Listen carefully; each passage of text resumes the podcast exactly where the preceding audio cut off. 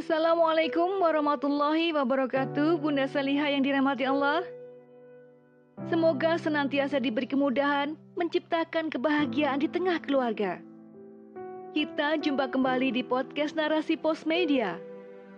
Narasi Pos, cerdas dalam literasi media, bijak menangkap peristiwa kunci. Banyak kisah di balik seorang ibu yang sedang dalam proses menyusui sang buah hati. Nuansa mengharu biru itu bisa kita rasakan bersama dalam rubrik story dengan judul Ibu Susu untuk Si Bungsu oleh Nai Beiskara. Buah hati kami yang ketiga diberi nama Muhammad Ismail Lisander Al-Haji. Sebuah doa yang kami persembahkan khusus untuknya. Kami berharap ia menjadi pemuka kaumnya yang saleh, sebagaimana dua nabi yang tertera di dalam namanya. Tidak hanya itu, kami menginginkan ia menjadi pejuang tangguh dan seorang penakluk sebagaimana pendahulunya Muhammad Al-Fatih yang berhasil membebaskan Konstantinopel, kota terkuat dan termegah di zamannya. Karena itu, kami sematkan pula Lisander yang berarti pembebas. Melahirkan dedek haji, panggilan untuk buah hati kami dirasa olehku amat penuh perjuangan. Terlebih lagi, Kala usianya belum genap dua bulan, Qadarullah ia diberikan sakit hingga harus dirawat inap di NICU selama sembilan hari. Setelah berbagai perlakuan dan banyak jenis perawatan dalam inkubator, dokter pun mengizinkan kami untuk membawa dedek haji pulang. Bahagia tentu kami rasakan. Akan tetapi, kepulangan bayi kami bukanlah tanpa syarat. Setidaknya ada dua hal yang harus kami lakukan agar pemulihan bayi kami dapat berjalan cepat. Pertama, kami harus menyediakan box bayi yang di sekelilingnya dilapisi kain panel atau yang lainnya. Di bagian atasnya diletakkan sebuah lampu. Semua itu dilakukan agar bayi kami tetap dalam kondisi hangat, sebagaimana kala berada di inkubator. Kedua, kami harus mensupport gizinya.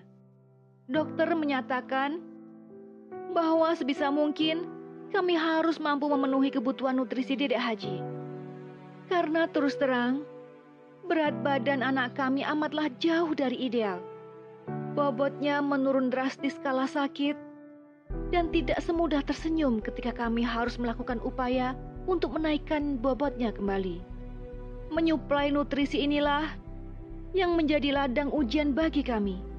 Dokter pernah menanyakan, apakah asiku lancar atau tidak? Sudah keluar atau belum? Saat itu, ku jawab belum begitu banyak. Akan tetapi, saat dokter menanyakan kembali perihal asiku, dan jawaban yang kuberikan sama, dokter pun menyimpulkan kalau kemungkinan besar aku mengalami stres. Kondisi ini tidak baik untuk seorang ibu yang tengah menyusui. Mengapa? Karena kondisi ibu yang stres akan memengaruhi banyaknya ASI yang keluar. Sedang keluarnya ASI membutuhkan hormon bahagia. Iya benar. Mungkin secara zahir aku tidak menampakkan wajah stres dan terpukul. Tetapi tidak bisa dimungkiri, asiku sedikit sekali dan perlahan-lahan tiada yang menetes sama sekali. Mengetahui kondisiku yang demikian, di sisi lain bayi kami sangat membutuhkan. Akhirnya kami mencoba beberapa cara agar asiku kembali lancar. Aku dan suami memahami bahwa dedek haji adalah amanah kami berdua. Bukan hanya aku sebagai bundanya yang harus berusaha melakukan relaksasi. Tetapi ia sebagai ayahnya pun tak lupa menyediakan apa pun kebutuhan yang sekiranya diperlukan agar tujuan menafkahi bayi kami dengan ASI tercapai. Tidak sedikit yang kami lakukan untuk meraih tujuan ini. Mulai dari mencari suplemen susu untuk ASI booster, meminum rempah-rempah dan herbal, mengonsumsi pepaya mentah dan daunnya, memakan daun katuk dan ekstrak daun katuk, jamu tradisional, hingga melakukan pijat oksitosin dan totok punggung. Apakah berhasil? Qadarullah, Allah memiliki kehendak lain. Asiku belum jua kunjung keluar.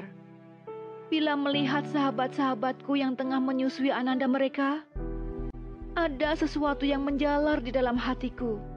Rasa iri dan sedih menyatu dalam kalbu. Apalagi bila ada sahabat yang bertanya, "Si Dedek masih asi?" Tidak terasa, buliran hangat mengalir melintasi pipiku. Perih rasanya mendapat pertanyaan seperti itu berulang kali. Aku merasa insecure dan tidak sempurna. Bukan aku tidak ingin menyusui bayiku hingga genap dua tahun, sebagaimana perintah Robku. Bukan pula aku tidak memahami keutamaan menyusui dan ASI untuk nutrisi bayiku. Aku memahami apa perintah yang disampaikan Robku dalam surat cintanya di dalam Al-Quran, surat kedua ayat 223. Aku memahami, di balik aktivitas primitif ini terkandung hikmah yang luar biasa istimewa, baik secara medis maupun agama. Aku juga memahami bahwa pada aktivitas rodoah menyusui ini terdapat hak bayiku. Lebih dari itu, Aku memahami pula bahwa aktivitas ini merupakan perjalanan meningkatkan keimananku dan upaya yang fundamental dalam membentuk generasi salih saleha. Memahami itu semua membuatku lebih down dari sebelumnya. Mungkin di luar aku tampak tegar, tetapi di dalam aku terpuruk. Suami yang melihat keadaanku seperti itu berusaha membesarkan hatiku. Uraian kalimat demi kalimat mampu membuatku lebih bersabar dan ikhlas menerima kodok dari Allah SWT. Setiap makhluk sudah diciptakan sempurna, apalagi manusia. Mungkin bunda sudah diberikan instrumen yang sama dengan yang dimiliki perempuan lain. Tetapi kadarnya bisa jadi Allah tentukan berbeda. Jangan menyerah. Di satu sisi kita harus bersabar bila belum menemukan jalan, tetapi di sisi lain, kita masih bisa berikhtiar semaksimal kemampuan kita. Kita nggak diam aja kan? Kami memutuskan untuk tidak berputus asa. Karena hal itu dilarang oleh agama. Pasti ada hikmah di balik ini semua. Kami yakin itu. Aku tetap berupaya melakukan relaksasi dengan mengonsumsi apa pun yang dapat merangsang keluarnya ASI. Sedang suami ia berpikir untuk mencari seorang ibu susu untuk dedek haji, bayi kami. Sekilas, aku teringat kisah Halimatus Sa'diyah yang menjadi ibu susu baginda Rasulullah Sallallahu Alaihi Wasallam. Kisah itu sungguh mengandung banyak hikmah. Aku tidak menyangka bahwa kami juga harus mencarikan ibu susu untuk dedek haji. Mulailah suami bertanya pada sanak saudara yang baru melahirkan. Ia juga bertanya pada para sahabatnya, "Bilakah ada istrinya yang baru melahirkan, mau berbagi ASI untuk anaknya dengan anakku?" Selain itu, suami juga mencari informasi di grup pejuang ASI dan komunitas ASI Indonesia. Bahkan, suami mencoba mencari di beberapa marketplace. Tentu saja tidak mudah bagi kami menemukan ibu susu bagi bayi kami. Pasalnya, kami harus memastikan makanan yang dikonsumsi calon ibu susu halal atau tidak. Bagaimana dengan riwayat penyakitnya? Jenis kelamin anak yang disusuinya? Apakah laki-laki atau perempuan? Dan bagaimana stoknya? Apalagi saat ini situasi masih pandemi. Kami memang spesifik dalam mencari ibu susu. Di antaranya, ibu yang memiliki anak laki-laki. Alasannya, anak yang disusuinya akan menjadi saudara sepersusuan bagi bayiku. Stok asinya pun bukan yang cukup untuk memenuhi dua sampai tiga hari saja. Tetapi berkelanjutan hingga sebulan, dua bulan, bahkan hingga genap dua tahun. Suami sempat mencari di marketplace, dan alhamdulillah ada yang membalas chatnya. Akan tetapi, setelah membaca nama bayiku, calon ibu susu itu meminta maaf karena tidak bisa memberikan asinya. Alasannya karena ia adalah seorang non-Muslim. Subhanallah, begitu panjang usaha kami mencari ibu susu ini. Sehari dua hari upaya kami tidak menunjukkan hasil. Sementara itu, bayiku terus menangis karena lapar. Mau tidak mau, kami memberikan susu formula sebagai penggantinya. Selang yang terpasang di mulutnya cukup membantu kami untuk memasukkan susu formula langsung ke dalam perutnya. Pucuk dicinta ulam pun tiba. Selang seminggu kemudian, barulah ada kabar dari seorang sahabat. Ia mengabarkan bahwa ada temannya yang sedang mencari penerima donor ASI. ASI temannya luar biasa banyak hingga memenuhi dua freezer di dalam rumahnya. Ingin dibuang sayang, tetapi bingung juga akan diberikan pada siapa. Mendengar kabar ini, aku bagaikan mendapat durian runtuh. Sungguh rahmat dan pertolongan Allah begitu dekat. Ternyata kami hanya diminta bersabar untuk bait-bait doa kami diijabah oleh Sang Maha Rahman.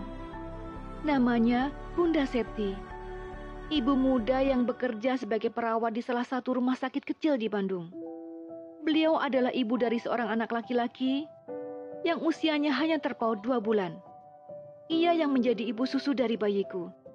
Alhamdulillah, walaupun hanya dua bulan saja bayiku diberikan ASI olehnya, itu sudah cukup bagiku.